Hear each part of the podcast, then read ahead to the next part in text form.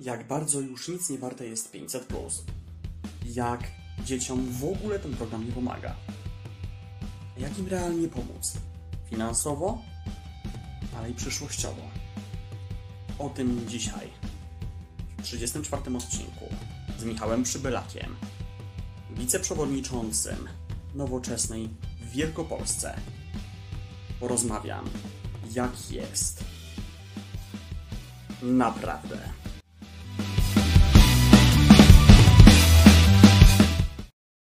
Witam Cię, Michale, bardzo serdecznie w moim programie.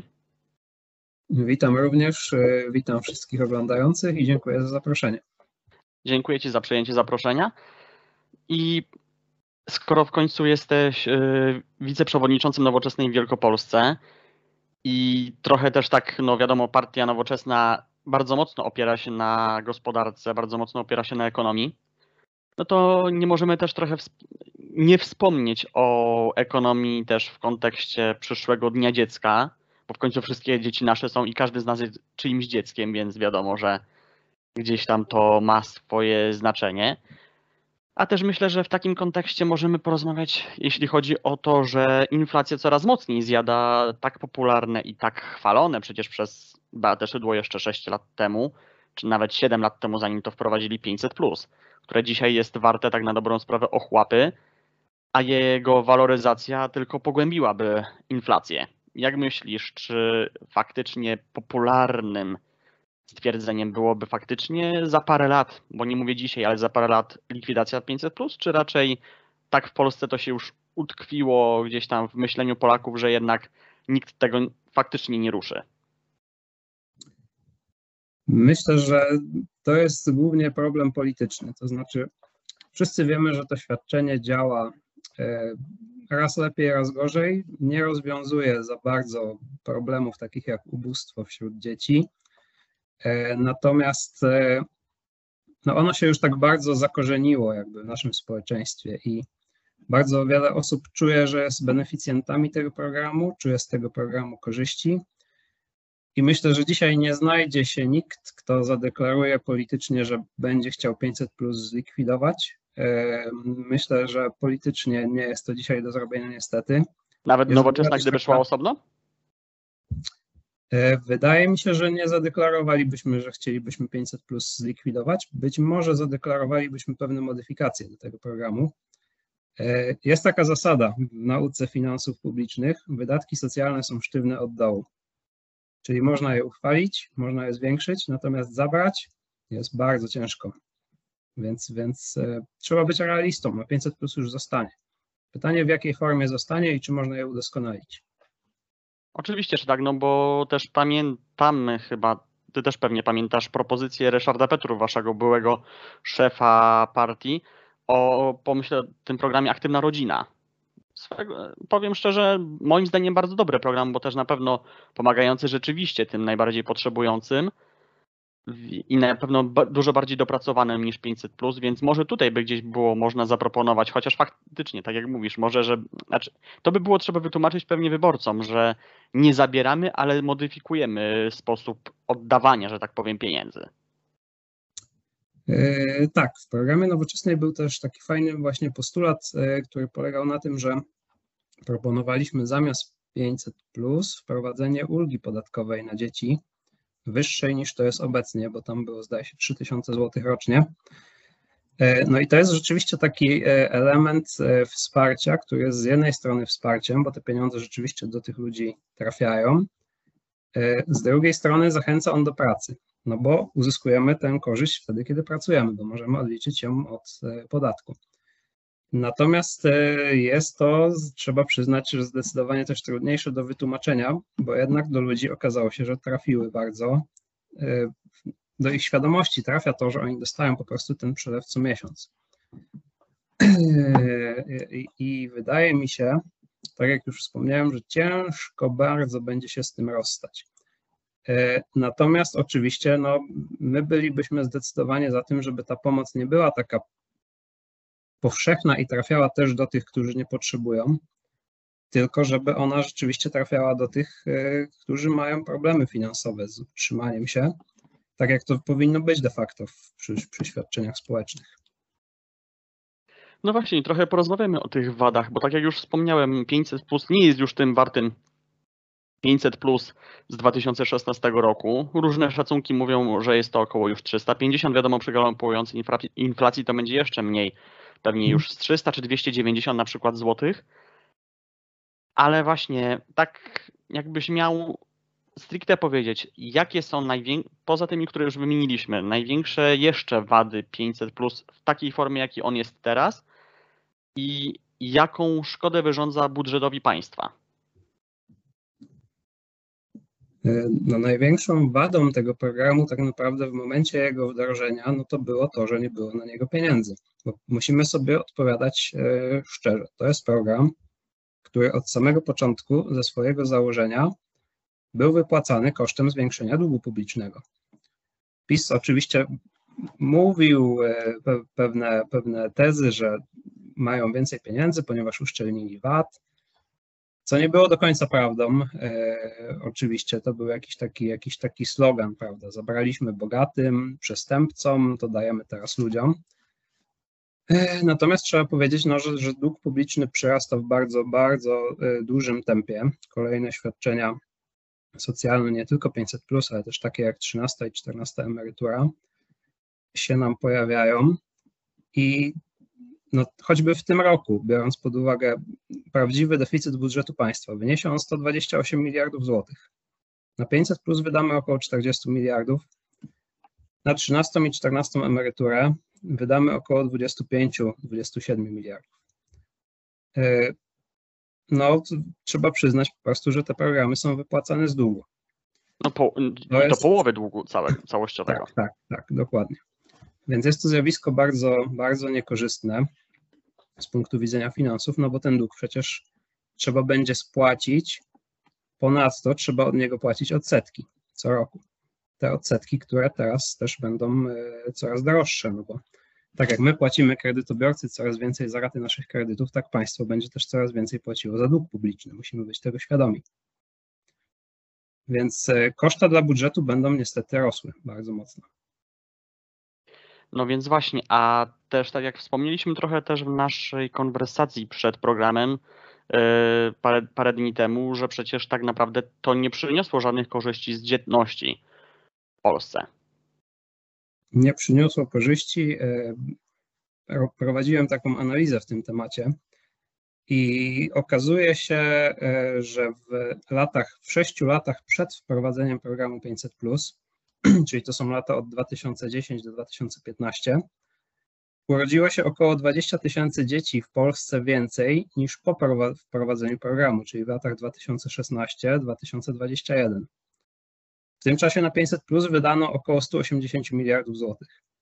No to jeżeli wydajemy takie ogromne pieniądze i mówimy wszystkim, że to jest program też pro-dzietnościowy, na końcu okazuje się, że ten program nie zadziałał.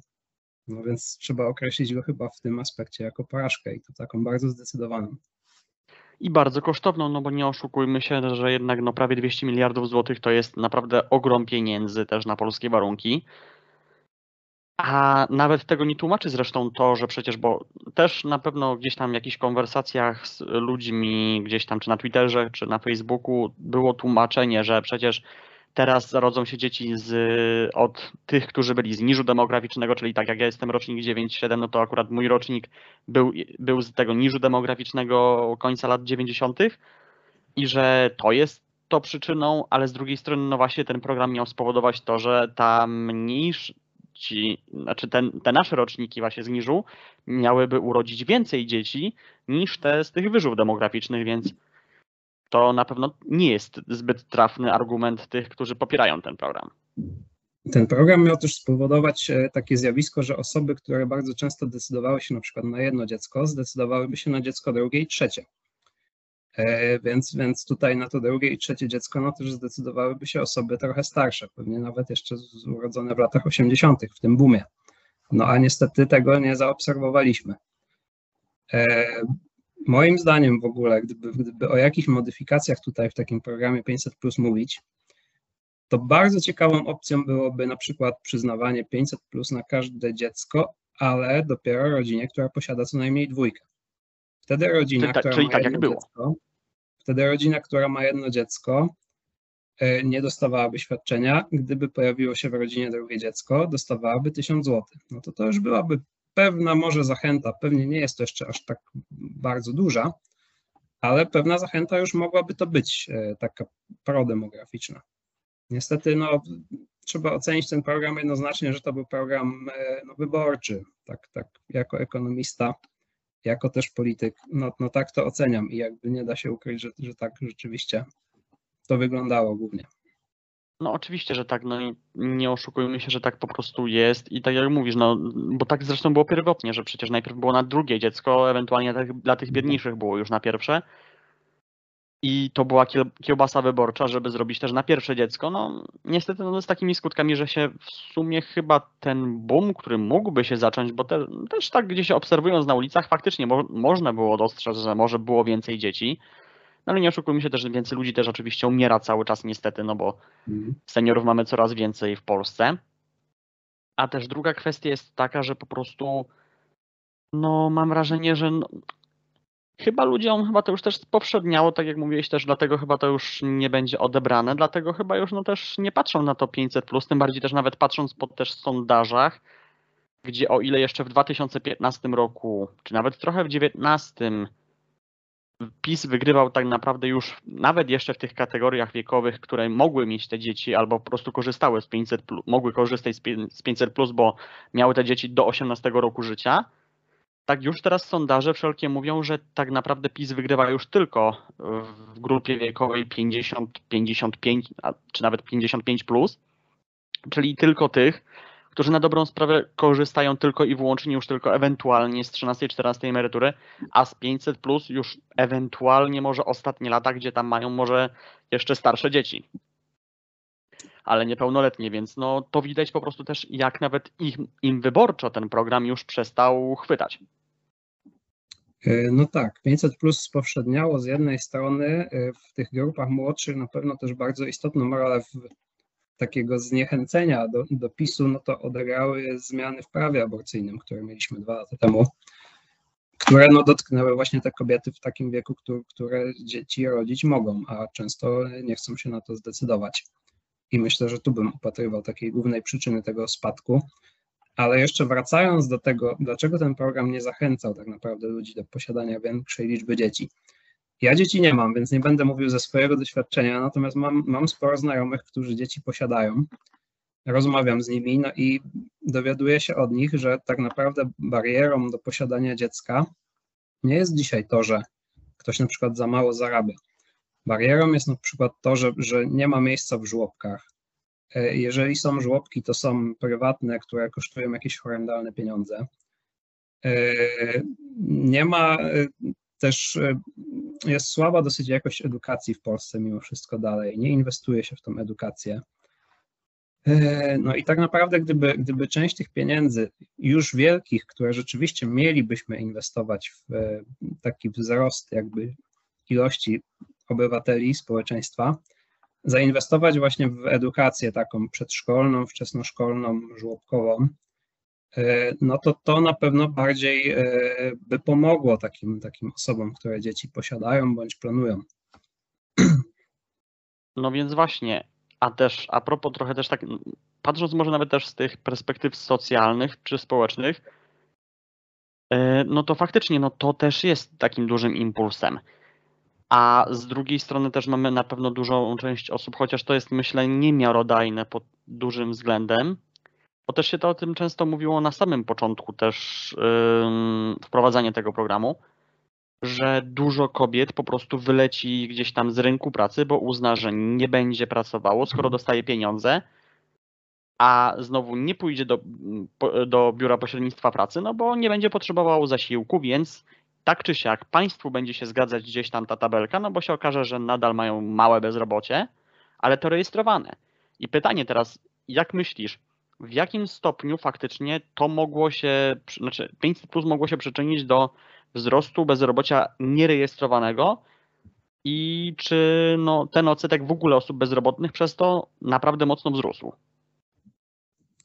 E, W pewnym stopniu na pewno e, 500 plus przyczyniło się do tego, że część kobiet postanowiła przynajmniej na jakiś czas z rynku pracy zejść. E, Ciężko jest oszacować, jaka to jest e, skala. Pewnie jest to liczba kilkudziesięciu, nawet do 100 tysięcy e, kobiet, które z rynku pracy zeszły świadomie, ponieważ e, no jakby dochód, który mogłyby uzyskać, e, nie był aż tak dla nich już korzystny, jeżeli mają kilkoro dzieci, posiadają 500 plus na te dzieci. No i musimy też pamiętać o tym, że, że dla tych kobiet po takich kilku latach braku aktywności zawodowej będzie bardzo ciężko na ten rynek pracy wrócić. To jest raz. Dwa, e, będą uzyskiwały przez to w przyszłości niższą emeryturę, przez to, że na tym rynku pracy ich nie było. Pewnie te osoby o tym nie myślały w momencie, jeżeli w, w którym z tej aktywności zawodowej rezygnowały. E, Natomiast no, państwo powinno o tym pomyśleć i państwo jest od tego, żeby zachęcać jak największą liczbę osób do pracy, bo to jest dla państwa, dla społeczeństwa korzystne. I dla społeczeństwa, bo społeczeństwo ma więcej pieniędzy, bo przecież kobieta, która pracuje, e, posiadając dzieci, musi znaleźć dla tych dzieci opiekę. Albo żłobek, albo opiekunkę, albo przedszkole. To jest tworzenie kolejnych miejsc pracy i znowu gospodarka dalej się rozwija. E, Natomiast o tym e, zupełnie nie pomyślano, wprowadzając taki program. Być może celowo no i- zresztą i ze też. szkodą. Mm, Tak, no, no jakby podkreślać będziemy pewnie to je- jeszcze kilka razy, że jakby cel programu był wyborczy i ten cel, e, przez ten cel jakby pominięto wiele istotnych aspektów życia No społecznego. Ty- Tym bardziej, że dalej mamy propagandę sukcesu, że bezrobocie mamy naprawdę niskie, stosunkowo niskie w Europie. No ale zapominamy też właśnie o tych, którzy są nierejestrowani, bo to nawet nie tylko przecież kobiety mające dzieci, które nie są, nie są nigdzie zarejestrowane po to, żeby. Teraz może w mniejszym stopniu, gdy jest 500 plus dla, dla każdego dziecka, ale na samym początku, gdy było na to drugie dziecko i był ten wariant właśnie mm, od dochodu, to tym bardziej przecież kobiety rezygnowały z pracy tylko po to właśnie, żeby się załapać już na to pierwsze dziecko. Ale też wiadomo, że przecież jest masa też bezrobotnych, którzy nigdy nie idą do biura pośrednictwa pracy, bo po prostu im się nie chce pracować, żyją na zasiłku. Trochę taki na styl, można by powiedzieć, Ferd, Ferdka Kiepskiego ze świata według kiepskich, bo przecież takich ludzi pewnie nadal gdzieś tam jest masa w Polsce. E, Dokładnie tak, niestety. No jest to, jest to problem taki społeczny, z którym się nic nie robi. Dlaczego się nic nie robi? No bo te osoby są de facto zadowolone ze swojej sytuacji w jakiś tam sposób, tak? Bo uzyskują te, te świadczenia socjalne ze źródła, jakim jest 500, bądź też z jakichś innych źródeł, typ, typu jakieś inne świadczenia socjalne. E, Natomiast i te osoby są zadowolone ze, ze swojego stanu. Pewnie też dzięki temu, że są zadowolone, na PiS zagłosują, więc jakby tutaj rola obecnie rządzących y, dla nich się wyczerpuje, oni są zadowoleni. Natomiast odpowiedzialne państwo no to powinno działać troszeczkę inaczej jednak, e, moim zdaniem. Powinno stwarzać takie warunki, żeby ludzie pracą mogli poprawiać swoją sytuację, a nie tylko poprzez redystrybucję, poprzez świadczenia socjalne. Tutaj taki program, jak właśnie proponowała Nowoczesna, żeby świadczenia na dzieci były taką ulgą od podatku, były wypłacone dopiero wtedy, kiedy człowiek pracuje i będzie mógł przez to płacić niższe podatki, byłyby fajnym rozwiązaniem, natomiast niestety bardzo ciężko przebijalnym. E, Słyszałem ostatnio takie fajne e, określenie, takie bardzo dosyć mocne, ale chyba mimo wszystko trafne, że społeczeństwo pod rządami PiSu poniekąd stało się trochę roszczeniowe.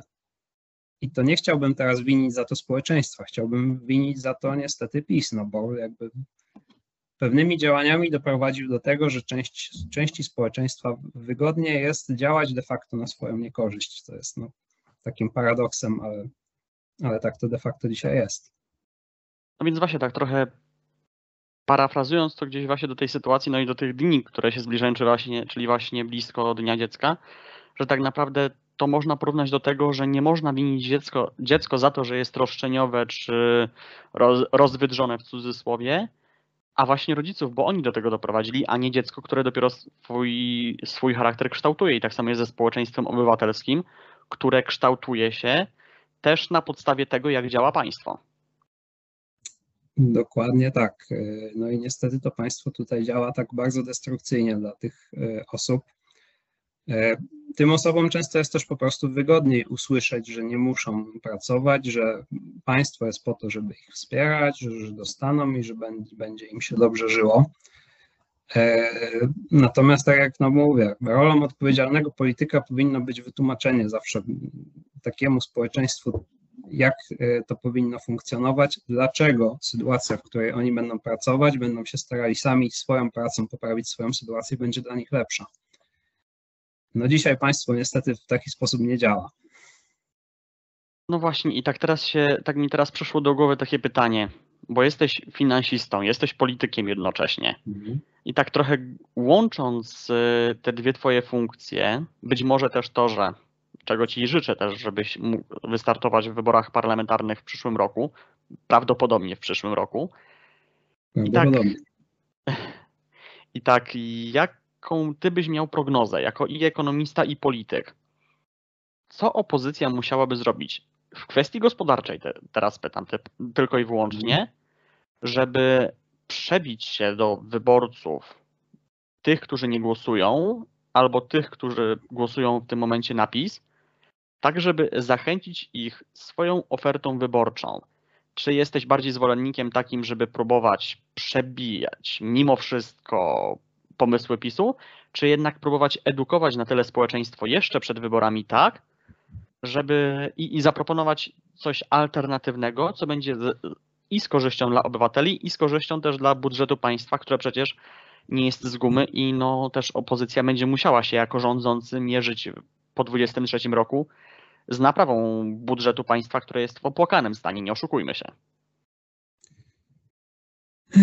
Ja myślę, że, że to jest bardzo, bardzo trudne wyzwanie, które stoi przed nami, e, ale myślę, że, że przede wszystkim tak, taką główną rzeczą na teraz, którą my jako opozycja mamy do zrobienia i, i ja się staram o to bić e, na Twitterze, na Facebooku, na, na wszystkich możliwych polach, jest to, żeby, żeby przekonać ludzi, społeczeństwo, że za to, co się dzieje w gospodarce, odpowiada PiS, to znaczy za, to, za, to droży, za tą drożyznę, za inflację, za rosnące raty dzisiaj ich kredytów, które rosną o właściwie 70-80% na przestrzeni pół roku, za to, że realnie spada ich jakość życia przez te wszystkie rzeczy, które się dzieją, które zwiększają ich obciążenia finansowe, nie odpowiada wojna, nie odpowiada Unia Europejska, jakieś tam czynniki zewnętrzne, tylko PiS, tylko właśnie ta polityka, e, którą, którą oni prowadzą w ostatnich latach.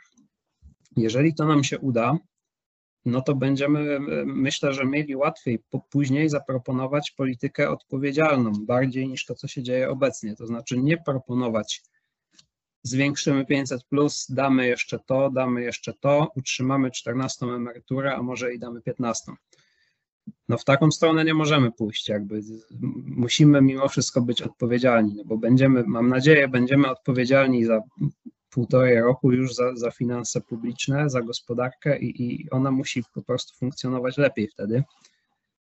E, natomiast e, no ja mimo wszystko wierzę, że, że to nie jest tak, że ludzi, ludzi przekonać się nie da. Też tak naprawdę nie musimy przekonać wszystkich. No bo na PiS zagłosowało de facto około 8 milionów osób. Eee, wystarczy, że przekonamy tak naprawdę 20% tych osób, które kiedyś zagłosowały na PiS, a które nie są takie radykalne, nie są takie przywiązane do, tych, e, do tego, co PiS głosi, e, że to de facto, co oni przez ostatnie 8 lat e, prezentowali, no to prowadzi nas do scenariusza takiego bardzo niekorzystnego gospodarczo. No wszyscy to czujemy dzisiaj co się dzieje. Wszyscy czujemy to, że chociaż mamy w portfelu pewną jakąś tam sumę pieniędzy, taką samą, no to ona jest mniej warta. To jest bardzo duży wpływ na życie ludzi dzisiaj. Więc jakby przede wszystkim musimy przekonać ludzi, że, że to jest wynikiem polityki, która się toczy. No więc właśnie tylko, że to jest też to, że PiS próbuje i tutaj odbije trochę e, piłeczkę mm, pisowską, że często mówią, że chociażby to jest po raz kolejny wina Tuska że to przez jego politykę z Rosją. Jak właśnie w tym się przebić po prostu?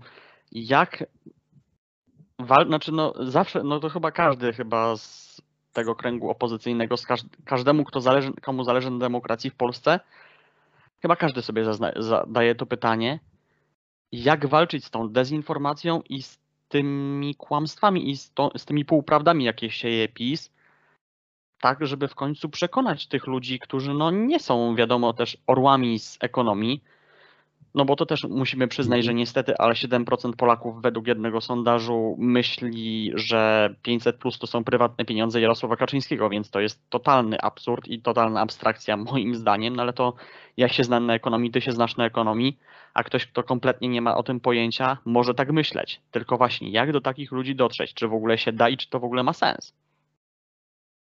Ja widziałem kiedyś takie badania z kolei, słuchaj, że 30% e, e, społeczeństwa uważa, że państwo ma nieokreśloną ilość pieniędzy i to, że państwo daje, to jest tylko jakby efekt decyzji. Jak ktoś chce, to daje. To było parę lat temu, być może ten odsetek się już zmniejszył, natomiast pamiętam, że takie, takie badania były. E, no to wiemy, że wiedza ekonomiczna niestety jest bardzo słaba, to trzeba przyznać. To jest też bardzo duże pole do, do naprawy na przyszłość edukacja ekonomiczna. To jest, to jest bardzo ważne. A co my możemy zrobić? No my możemy. Tak, w szkołach. Jakiś, jakiś rzetelny przedmiot o wychowaniu ekonomicznym, no bo to jest tak naprawdę dzisiaj podstawa e, świata, w którym żyjemy, tak? To, jak funkcjonuje gospodarka, jak funkcjonuje pieniądz. Natomiast niestety wiedza o tym nie jest w szkole dzisiaj przekazywana. Ja, ja pamiętam, że, że było, było jej bardzo, bardzo, bardzo mało. Natomiast e, jak my musimy się bić? E, musimy informować jak najwięcej, przekazywać jak najwięcej faktów, jak e, to się dzieje, z czego wynika inflacja, jaki inflacja ma wpływ na Twój portfel.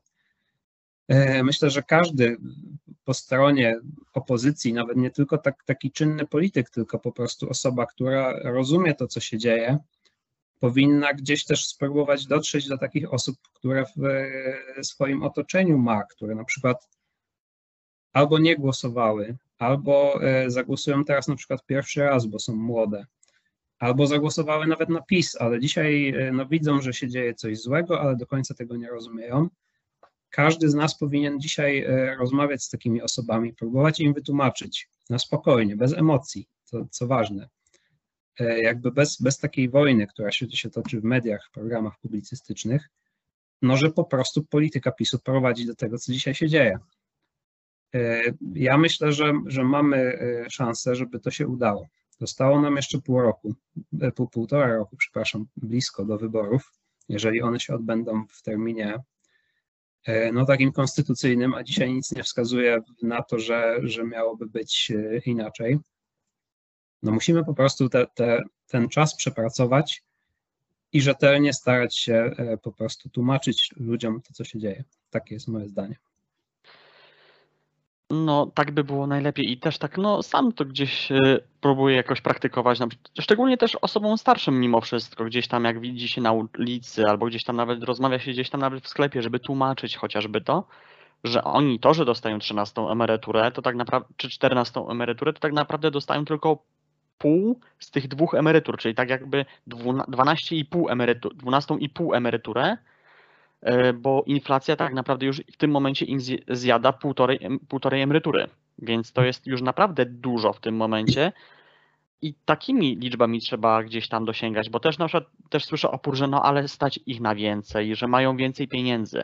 Tylko mówię sobie tak, dobrze, teraz ich stać może na więcej, nie wiem, leków, rzeczy, ale to jest tylko ten jeden miesiąc, kiedy dostają te, czy tam dwa miesiące, kiedy dostają tę dodatkową emeryturę, a w pozostałych tak naprawdę muszą wydać więcej, bo i energia jest droższa, i leki są droższe, i żywność jest droższa.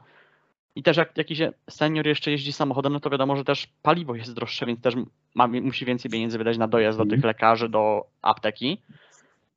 I wtedy do nich trafia, faktycznie widzę, że do nich trafia to argumentowanie właśnie takie delikatne, takie spokojne, niewrogie, że nie wiem, że skoro Tusk, to wina Tuska, to wina Kaczyńskiego. No nie, tylko po prostu wina tego, że po prostu ten rząd nie potrafi w ekonomii, nie, nie rozumie zasad mhm. prostych ekonomii i po prostu nie jest w stanie on radzić sobie z skutkami kryzysu gospodarczego, takim jak mamy teraz, a w porównaniu chociażby do rządów Donalda Tuska, gdzie ten, czy nawet chociażby do tego, co zrobił Leszek, profesor Leszek Barcerowicz, bo tutaj też mam na przykład taką ciekawą anegdotę, że na przykład mój tata zawsze był wrogiem, że tak jako rolnik, też jako, wiadomo, też PSL-owiec, był wrogiem w cudzysłowie Leszka Balcerowicza, ale po tym jak PiS doszedł do władzy, których też pisowców nie za bardzo lubił, to nawet też po mo moich rozmowach z nim tak naprawdę zrozumiał, na czym polega ekonomia, ma ta makroekonomia i że faktycznie działania Balcerowicza były właściwe w porównaniu z tym, co robi teraz PiS.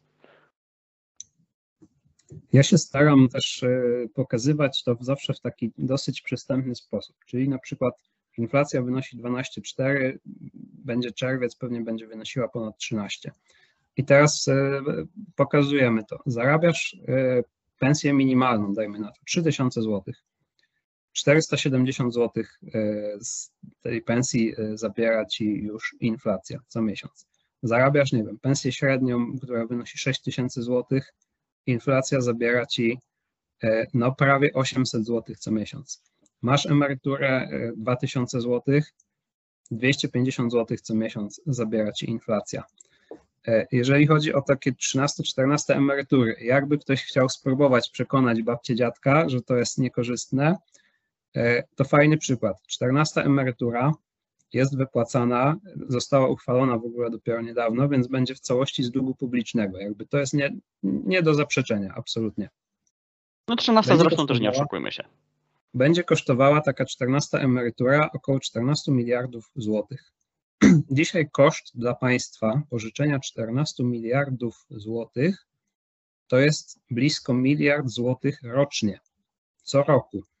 To znaczy emerytura będzie wypłacona raz teraz w sierpniu, a potem co roku dzieci i wnuki tych emerytów, którzy dostaną od PiSu ten prezent, co roku z ich podatków będzie płacone miliard złotych odsetek od tego świadczenia. W 2000, nie wiem, 30 roku, 40 też wnuki obecnych emerytów będą musiały zapłacić ten miliard złotych odsetek od tej sumy. Tak trzeba rozmawiać z osobami starszymi, że, że jakby PiS nic im nie daje tak naprawdę. PiS zaciąga dług, w imieniu ich dzieci i wnuków i będą musiały potem go spłacać. No chyba żadna babcia nie będzie chciała obciążać długiem swojego swojego wnuka. Tak myślę. No też tak myślę, tylko że też tutaj trzeba uważać na pewno z tymi dużymi liczbami, bo też gdzieś czytałem takie dane, że tak samo jeśli chodzi o, chociażby o afery pisowskie, że dla wyborcy bardziej, że tak powiem, zastraszająca jest kwota, którą Radosław Sikorski wydał na ośmiorniczki, niż miliony przewalone przez Sasina, Witek, Szydło i innych pisowców, tylko dlatego, że oni mają w głowie tysiące, czyli tyle, ile oni mniej więcej zarabiają, a miliony czy miliardy już jest dla nich abstrakcją, więc tutaj myślę, że też wiadomo, trzeba to, myślę też tak pomału, też wiadomo, przeliczać gdzieś na takie nasze codzienne sprawy, żeby chyba też do nich dotrzeć, bo dla niektórych to mogą być na pewno dużo abstrakcyjne rzeczy i liczby, więc. To też mam takie wrażenie, szczerze mówiąc, no, no bo e, to wszyscy to widzimy, że często bardziej e, jest e, dla ludzi ekscytujące to, że, że na przykład, nie wiem, ktoś kupił sobie drogi zegarek albo ktoś właśnie wydał na ośmiorniczki kilkaset złotych w restauracji, niż to, że na przykład wydano niepotrzebnie półtora miliarda złotych na, na elektrownię w Ostrołęce, która nigdy nie powstanie. Albo że Zbigniew Ziobro, tam już, już nie pamiętam kwot, ale około 200 chyba milionów złotych wydał niezgodnie z. E, no prawie prawem. miliard, prawie, prawie, miliard, prawie miliard złotych, 200 milionów euro. Przez, e, to poszło na kary, mm -hmm. tak, a chciałem powiedzieć, że był jeszcze taki fundusz sprawiedliwości, a, tak, tak, tak, który oczywiście, Zbigniew Ziobro sobie uchwalił, E, i, i potem jakby w okręgach, gdzie startowali kandydaci Solidarnej Polski, to, to wszyscy jeździli potem z czekami i dawali na przykład wozy strażackie z tych pieniędzy albo, albo takie, takie inne historie. E, miliard złotych kary, no to, to za Izbę Dyscyplinarną. To jest tak, kolejny przykład. No właśnie, no niestety, do tego chciałem też nawiązać PiS, już pomału też. Niestety PiS jakby absolutnie e, przechodzi w wszelkie wyobrażenia, jeżeli chodzi o, o taki brak szacunku do publicznych pieniędzy. To jest moim zdaniem taka rzecz, e, która będzie wymagała naprawdę dużej naprawy i takiej dużej pracy, że musimy sobie uświadomić, że każda złotówka, którą wydaje państwo, to nie jest złotówka państwa, tylko to jest złotówka, którą wcześniej zabrała swoim obywatelom. Dla mnie, gdybym ja kiedyś e, mógł pracować e, na poważnie w polityce, e, być może w jakichś takich działach jej gospodarczych, podstawą jest to, żeby szanować pieniądze, które najpierw zabieramy naszemu społeczeństwu. To, to jest absolutna podstawa. E, no dzisiaj, dzisiaj niestety tego nie ma. E, natomiast, e, tak jak mówiłeś, takie miliardy mogą nie robić wrażenia, ale już to, że z, no z, z, ich portfela, z ich pieniędzy, które mają, ubywa te kilkaset złotych co miesiąc inflacją, no to na każdym wrażenie zrobi. I myślę, że w taką stronę też powinniśmy z naszą retoryką iść. No więc właśnie, i tak jak wspomniałem już, i ty wspomniałeś też o tym miliardzie słynnym już, które przez Zbigniewa Ziobrę mamy już no stracone też i z naszych pieniędzy, które mamy dostać z Unii Europejskiej, też z Krajowego Planu Odbudowy już kilkaset milionów złotych straciliśmy z, i z zaliczki, i z pierwszych tam transz.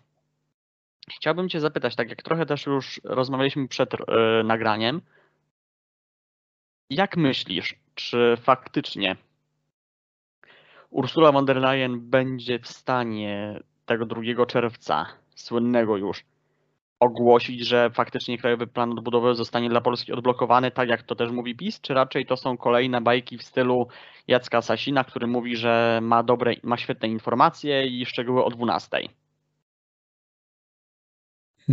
Ja myślę, że nie będzie na pewno takiego jednoznacznego ogłoszenia, że wypłacamy już Polsce pieniądze.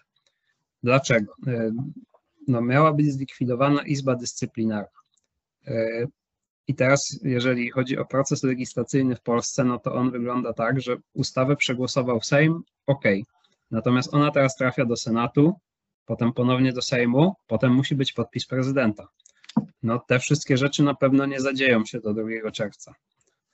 E, więc, więc jakby to prawo nie zostanie de facto zmienione. E, sędziowie, którzy mieli zostać e, przywróceni do orzekania, nadal nie orzekają. Jeden sędzia został przywrócony do orzekania, sędzia Juszczyszyn, i to jeszcze nie do tej izby, w której był, tylko do innej, takiej mniej znaczącej. Więc ja myślę, że będzie wizyta Urszuli von der Leyen, która powie, że takie i takie warunki wynegocjowaliśmy, jest porozumienie, jak spełnicie te warunki, to wam pieniądze wypłacimy. Natomiast jeszcze długie miesiące będzie trwało to, żeby de facto te wszystkie warunki zostały jednoznacznie spełnione e, i będzie trwało takie de facto zawieszenie. PiS odtrąbi oczywiście wielki sukces, e, natomiast pieniądze jeszcze długie miesiące do Polski nie popłyną. No niestety i też mam takie wrażenie, że po prostu tak prawdopodobnie będzie, a te pieniądze na pewno by się przydały do tego, żeby jakby tak uwolnić z tej inflacji na pewno. E, tak, pieniądze z Krajowego Planu Odbudowy na pewno by się dzisiaj przydały, chociażby dlatego, że gdyby one do Polski trafiały, to mogłyby sfinansować część e, wydatków e, inwestycyjnych, które dzisiaj finansuje samo państwo. Państwo, e, tak jak już dzisiaj padło, 128 miliardów złotych w tym roku zaplanowało wydać z długu. Żeby taki dług zaciągnąć, no to dzisiaj będziemy, będziemy musieli płacić bardzo wysokie odsetki za ten dług. 7-8% nawet. Gdyby e, e, nie trzeba było tego długu aż tyle zaciągać, nie musielibyśmy płacić aż tyle odsetek. A poprzednie odsetki moglibyśmy też spłacać gdzieś tam w jakimś stopniu też z, te, z tych pieniędzy.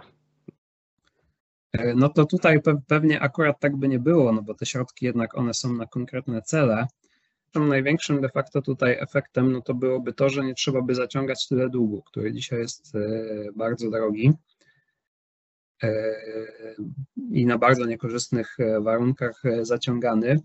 No i też nie da się ukryć, że nasza gospodarka teraz w wyniku tych działań, które są podejmowane, tych podwyżek stóp procentowych, no to ona i, i podwyżek stóp procentowych i w ogóle takiego spadku koniunktury na świecie globalnej, to nasza gospodarka będzie zwalniała. I taki wzrost e, wielki gospodarczy, e, którym teraz się, się jeszcze PiS mógł pochwalić, no to on w kolejnych kwartałach już będzie coraz niższy, wręcz możemy zahaczyć o recesję w trakcie najbliższego roku. E, no i takie pieniądze pomogłyby naszej gospodarce się przed taką recesją chronić, byłyby takim kolejnym impulsem do jej dalszego rozwoju. Niestety my to tracimy świadomie.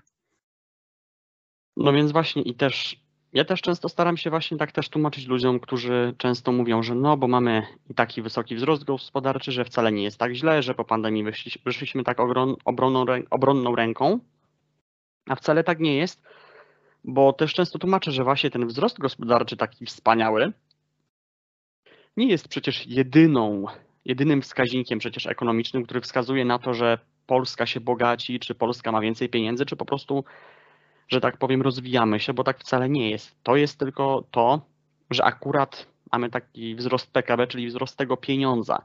A też trzeba, trzeba spojrzeć na inne aspekty, czyli tego, jaka złotówka jest wysoka względem innych walut, jakie są poziomy inwestycji w Polsce, które, które niestety maleją też po, przez politykę państwa.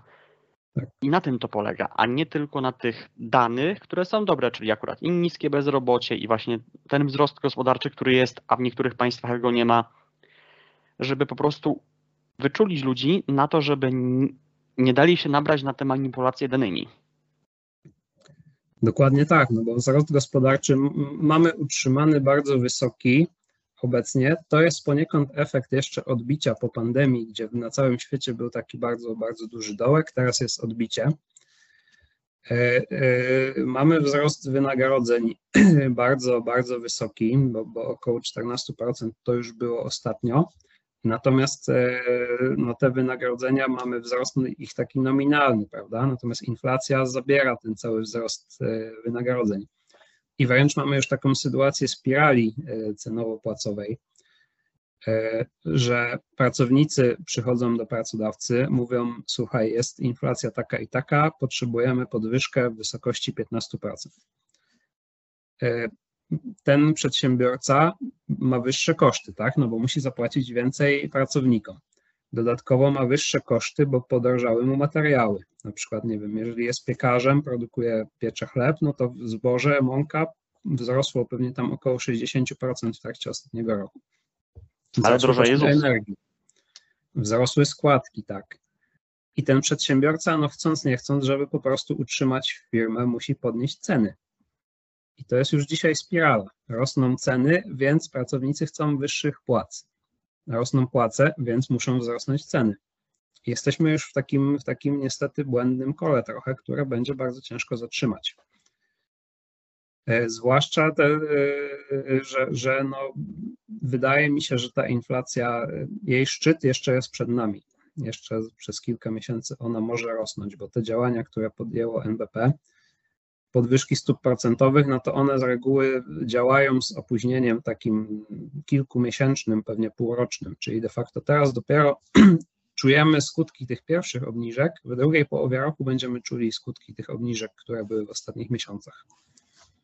No więc właśnie, no bo to tak zawsze jest, że tak jak też często się mówi, że to nie jest żadna putinflacja, bo dopiero putinflacja nas uderzy prawdopodobnie od pierwszego kwartału 2023 roku, czyli mniej więcej rok po tej inwazji, i tak samo jest teraz z, tym, z tą ochroną przed tą tarczą antykowidową, czy jakkolwiek jak to zwał, jak zwał, na cokolwiek oni zwalają te swoje winy. I po prostu to też trzeba tłumaczyć, że naprawdę no, patrząc z perspektywy, że w ekonomii trzeba patrzeć bardzo mocno perspektywicznie, perspektywicznie i do przodu, i do tyłu, co ma konsekwencje i co miało konsekwencje coś, co robiliśmy wcześniej i co będzie miało konsekwencje to, co robimy teraz w przyszłości. Bo to nigdy się nie dzieje tak, że jest wszystko od razu jak za dotknięciem czarodziejskiej różdżki. Tak można działać, kiedy jest koniunktura finansowa i tak robił PiS, zamiast oszczędzając pieniądze, je trwonił. To o tej putinflacji to jest też bardzo ważne, co, co powiedziałeś, to ja tutaj trochę dopowiem. Jakby musimy sobie uświadomić, e, że inflacja rośnie tak naprawdę od początku rządów PiSu. Jak sobie spojrzymy na wykres, to ona zaczęła rosnąć dokładnie w roku 2016, kiedy wprowadzono 500 plus pierwsze. Tylko, że e, w końcówce rządów Platformy mieliśmy do czynienia z deflacją, z inflacją na poziomie właściwie ujemnym. No i ta inflacja od 2016 roku zaczęła rosnąć. Ona osiągnęła najpierw 2%, potem 3%, potem 4%. To jeszcze nie były jakieś bardzo takie odczuwalne wartości. Natomiast ona systematycznie rosła. Ona osiągnęła w 2021 roku jeszcze wiele miesięcy de facto przed wojną, przed, jakąkolwiek, przed, przed jakimikolwiek informacjami o tym, że ta wojna się szykuje 5, 6%, 7%, przed wojną jeszcze doszła do 9%. I dopiero e, ten efekt wojenny w tych ostatnich miesiącach rzeczywiście jeszcze ten wzrost inflacji pogłębił. E, natomiast e, no, za dwie trzecie inflacji odpowiada polityka poprzednich lat. I, i to jest fakt, i, i to musimy też e, wszystkim jasno przekazywać. Tak samo musimy też przekazywać wszystkim osobom też to, że ekonomiści, z tego co pamiętam, już ostrzegali pod koniec 2019 roku, czyli jeszcze zanim była w ogóle pandemia, że do takiego wzrostu inflacji i do spowolnienia gospodarczego tak czy siak dojdzie, bo już wszyscy spekulowali, że w takich krajach o słabej, o słabej walucie i o słabej gospodarce jak Polska, ten wzrost gospodarczy mocno zmaleje lub nawet dojdzie tak czy siak do recesji i to bez względu na to, czy był COVID, czy nie. Tak by było, więc o tym też się nie mówi. I mam nadzieję, że też opozycja będzie na ten temat głośniej mówić, że jednak przekonywać, że faktycznie nawet gdyby nie wojna czy pandemia, tak czy siak w tym momencie mielibyśmy i tak czy siak trudną sytuację gospodarczą. E, tak, tak trochę było, bo też trzeba powiedzieć, że PiS miał niesłychane szczęście, bo zarówno za pierwszym razem, czyli w latach 2005-2007, jak i później od 2015 roku do tego roku 2019, to rządził w niesłychanie korzystnej koniunkturze e, gospodarki światowej. I to by było coś, co oni po prostu zastali, co im się udało e, de, de facto. No bo niewielkim zupełnie efektem, nie, niewielką zupełnie ich pracą, no to polska gospodarka rozwijała się naprawdę szybko, ale korzystając z tego, że rozwija się gospodarka światowa, że, że rośnie popyt globalny, rośnie produkcja, rośnie eksport yy, i tak dalej. E, w 2020 roku e, nastał COVID, czyli taki prawdziwy game changer dla światowej gospodarki. E, wtedy była recesja krótkotrwała, natomiast świat zareagował na nią tak, że wpompował rzeczywiście ogromne pieniądze, głównie z długu, w gospodarkę, czym kupił sobie de facto trochę kolejnego wzrostu, te, te dwa lata, których teraz byliśmy świadkami. E, teraz e, no niestety płacimy, płacimy za to czkawką, no bo w Polsce przez e, lata 2020-2021 jakieś 400 miliardów złotych zwiększono zadłużenia. PiS oczywiście tłumaczy, że to jest przez to, żeby chronić miejsca pracy i tak dalej, natomiast na taką de facto ochronę miejsc pracy, no to pewnie z 10% tej sumy wydano, natomiast resztę wpompowano po prostu w z jednej strony w jakieś tam inwestycje trochę też, ale w dużej mierze też wydatki socjalne różne, czym kupiono sobie wzrost, no i przez to wyprodukowano inflację. Takiego błędu, żeby też trochę rozgrzeszyć, co, co będzie nietypowe rządzących naszych, no to to nie popełnili tylko oni, tylko popełniła większość świata. E, taki, taki sam błąd, bo wszyscy też e, no, nie wiedzieli de facto, jakie będą skutki tego COVID-u dla gospodarki i chcieli im zapobiec. E, natomiast to jest też wynikiem tego jest teraz też inflacja i to nie jest wcale tak, że inflacja jest na całym świecie przez wojnę, tylko przez błędy rządzących, nie tylko które były w Polsce, ale też w innych krajach. I poziom te, tej inflacji też zależy właśnie od tych błędów, bo przecież są tak, kraje, gdzie ta inflacja jest niższa, wręcz nawet spad, spadała już przed wojną. Powiem, że były takie państwa, gdzie faktycznie ta inflacja zaczęła powoli spadać, i to znaczy nawet nie powoli, tylko dosyć drastycznie spadać nawet.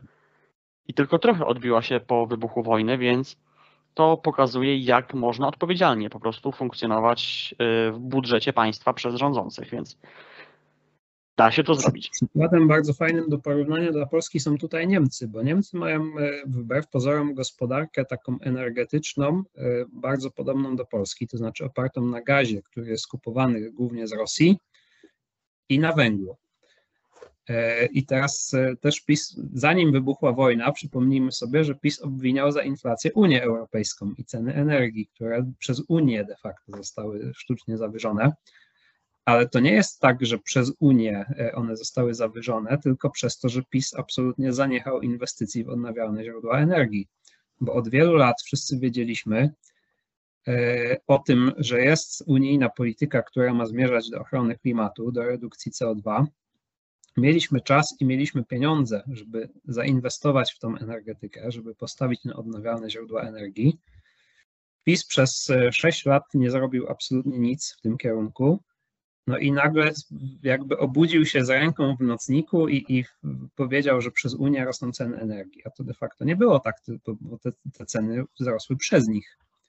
Niemcy w porównaniu z Polską jakby poczyniły w ostatnich latach olbrzymie inwestycje w odnawialne źródła energii i dzisiaj z tymi cenami energii aż tak y, dotkliwie nie muszą oni walczyć jak Polska. I tym bardziej, i tym bardziej że, nie, że trzeba tu zaznaczyć, że Niemcy też po 2011 roku popełniły błąd, bo po katastrofie w Fukushimie zaczęli rezygnować masowo z elektrowni atomowych, co tak, też jakby spowol, spowolniło te przemiany, ale jednak i tak czy siak inwestowali w odnawialne źródła energii, więc i tak wychodzą lepiej na tym niż Polska. Dokładnie tak. I w Niemczech, no i Niemcy też trzeba przyznać, że bardzo odpowiedzialnie prowadziły politykę gospodarczą pod takim kątem, że w tych latach dobrych gospodarczo wypracowywały duże nadwyżki budżetowe, nie tak jak Polska. W Polsce przez cały czas był deficyt budżetowy. Między innymi ten deficyt był właśnie na wypłatę takiego programu jak 500, to, to co już dzisiaj wspominaliśmy. E, w Niemczech były nadwyżki, i w momencie, jak przyszedł kryzys, to Niemcy miały z czego wyłożyć te pieniądze na stymulację gospodarki, nie musiały zaciągać długu aż tyle. No i dzisiaj w Niemczech inflacja wynosi 7%, w Polsce wynosi już pewnie przekonamy się w czerwcu, że ponad 13%. No więc właśnie. I tak na koniec, już kończąc pomału nasz program, co byś powiedział widzom i słuchaczom, jak mają sobie tak osobiście, tak też wiadomo, też młodzi ludzie głównie, nas, głównie mój program oglądają, jak oni mają sobie radzić z tą inflacją tak prywatnie, tak też w tym swoim domowym budżecie też pewnie niezbyt dużym, wiadomo, jak na tą, nie wiem, czy tam kieszeń studencką, czy już po, świeżo po studencką.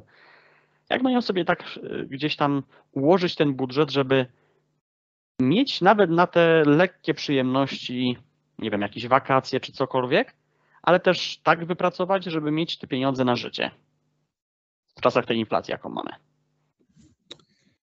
No to to jest bardzo trudne pytanie, bo tak naprawdę nie ma dzisiaj instrumentów, które by w 100% ochroniły te nasze pieniądze, nasze oszczędności przed inflacją. E, no banki bardzo w sposób opieszały podnoszą e, oprocentowanie depozytów. E, myśmy postulowali obligacje inflacyjne, które byłyby oprocentowane o wskaźnik inflacji, także obywatel chroniąc swoje oszczędności miałby pewność, że, że przynajmniej ochroni je, że, że nie straci na nich. Efektem takich obligacji byłoby ściągnięcie pieniędzy z rynku, co jest de facto istotą walki z inflacją. Natomiast e, jak e, się chronić dzisiaj, no to nie ma tak naprawdę odpowiedzi niestety na to pytanie. To jest tak, takie zjawisko, które dotyka wszystkich równo, no bo wszyscy e, tak samo muszą kupować dobra i usługi, żeby, żeby przeżyć. Nie ma dzisiaj de facto sposobu na to, żeby, żeby z inflacją walczyć. Dlatego jest ona tak niebezpieczna i tak szkodliwa dla, dla gospodarki, dla naszych domowych budżetów. Tak to niestety wygląda. Tym bardziej musimy e, bardzo, bardzo mocno się starać, żeby wszyscy dowiedzieli się, kto za ten stan odpowiada e, i żebyśmy mogli e, jakby za półtora roku móc działać bardziej odpowiedzialnie, żeby taka sytuacja nie miała już drugi raz miejsca. I tym z lekka pesymistycznym akcentem, niestety, no ale no takie mamy czasy, kończymy 34 odcinek programu Naprawdę. Moim dzisiejszym gościem był Michał Przybylak, wiceprzewodniczący Nowoczesnej w Wielkopolsce. Dziękuję Ci bardzo serdecznie za rozmowę. Ja również bardzo dziękuję i pozdrawiam. Również Cię pozdrawiam, a ja zapraszam Was na kolejne odcinki programu Naprawdę, naprawdę nieobiektywnie, na moje media społecznościowe, na Facebooka, Twittera, Instagram. także na bloga naprawdę.blog, a na YouTubie subskrybujcie, klikajcie łapki w górę, udostępniajcie i obserwujcie program na Spotify, a my widzimy się już za tydzień w kolejnym odcinku. Do zobaczenia i cześć. Oglądajcie, słuchajcie, czytajcie wszystko o wojnie w Ukrainie, ale nie tylko. Oglądajcie w serwisie YouTube, programy naprawdę oraz nieobiektywnie, a także inne specjalne wydania programów. Słuchajcie te programy w serwisie Spotify. Czytajcie naprawdę.blog. Najważniejsze informacje, ciekawe artykuły o Polsce i świecie. Serdecznie zapraszam.